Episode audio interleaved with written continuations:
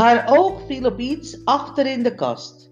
Twee piepkleine kralenoogjes volgden haar beweging gespannen. Piep, piep, piep, piep. Kst, Fort, vies beest. Kst, Vooruit, weg daar. Nou. Het dier draaide zich om. Een dun roze staartje was een moment zichtbaar en prrr, verdwenen. Ali was zo schoon op haar huis. Ook waren er nog twee katten en dan nog een muis in de klerenkast. Ze zou vlug bij de drogist wat korrels gaan kopen, want Ali was een dierenvriend in hart en nieren, maar een muis in je klerenkast, dat kon gewoon niet. Ze stapte vlug in haar schoenen en vijf minuten voor sluitingstijd en over een half uurtje stond ook nog Alejandro op de stoep.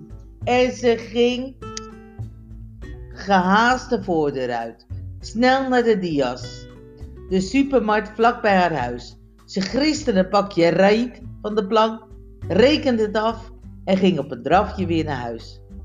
Snel wat in de kast strooien en tegen die vieze muis. En was ze net van de koekeratjes af en dan begon deze ellende. Poetsa! Nu stel weer naar beneden, want Alejandro kon zo komen. De empanades die Ali had besteld, zouden zo meteen wel aan de deur worden gebracht. Ze verzamelde wat fotoalbums om die gezellig met Alejandro te bekijken. Ze legde ze alle tien even opzij, want eerst moest er gegeten worden. Ding dong. Ah, daar waren al de empanadas. Maar toen ze de deur opendeed, stond daar Gaston van de postcode loterij. Goedenavond, dames en heren. zei hij. Ali keek nog eens achterom en sprak bestraffend tegen de drukke, kerel, drukke kereltje. Zie je niet dat ik hier alleen ben? Schiet op, want ik heb een verjaardagstaart te versieren voor, voor Alejandro die 14 wordt. Precies, u heeft het helemaal goed.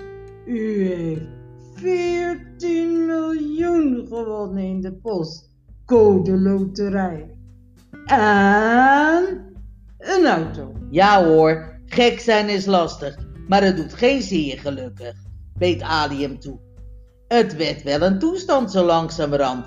Gaston, een televisieploeg en een limousine die stopte om de jarige Alejandro af te zetten en dat allemaal in de Coronel Castillo, voor nummer 870. Beetje bij beetje stroomde de straat vol met nieuwsgierigen. Heel Boulogne-sur-Mer liep uit. Hulp was onderweg.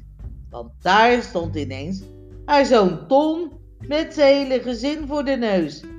Die waren met Gaston en de televisieploeg meegekomen uit Holland. Ze hadden voor Ali een postcode, postcode loterij lo- genomen.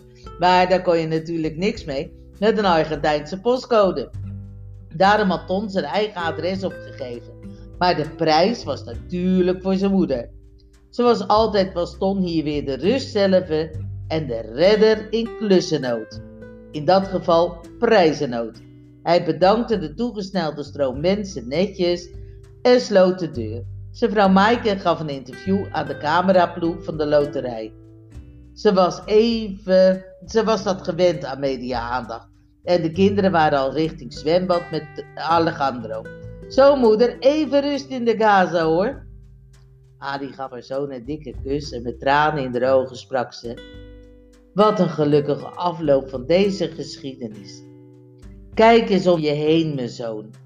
Jou hou ik hier in mijn armen. Je vrouw, mijn kleinkinderen zijn hier om het feest mee te vieren. Alejandro, mijn kleine buurjongen, viert hier zijn verjaardag. En een paar miljoen, daar kunnen we heel veel arme mensen mee helpen. En Gerardo. Ali was al begonnen een bestemming voor de gewonnen prijs te bedenken. We kopen een heel nieuw tehuis voor mijn lieve man, met eigen personeel. En laten er ook nog arme kinderen bij hem inwonen. Zo gezellig. En jullie komen ook hier wonen. En mijn Hollandse vriendin. En maar, we gaan eerst maar eens een hele feestelijke asado maken. Met salades en taart en sidra. Allemaal heel gezellig. En dan gaan we verder met plannen maken. Ja, was Ali's antwoord. En dan leven we nog lang en gelukkig en we hangen de vlag uit.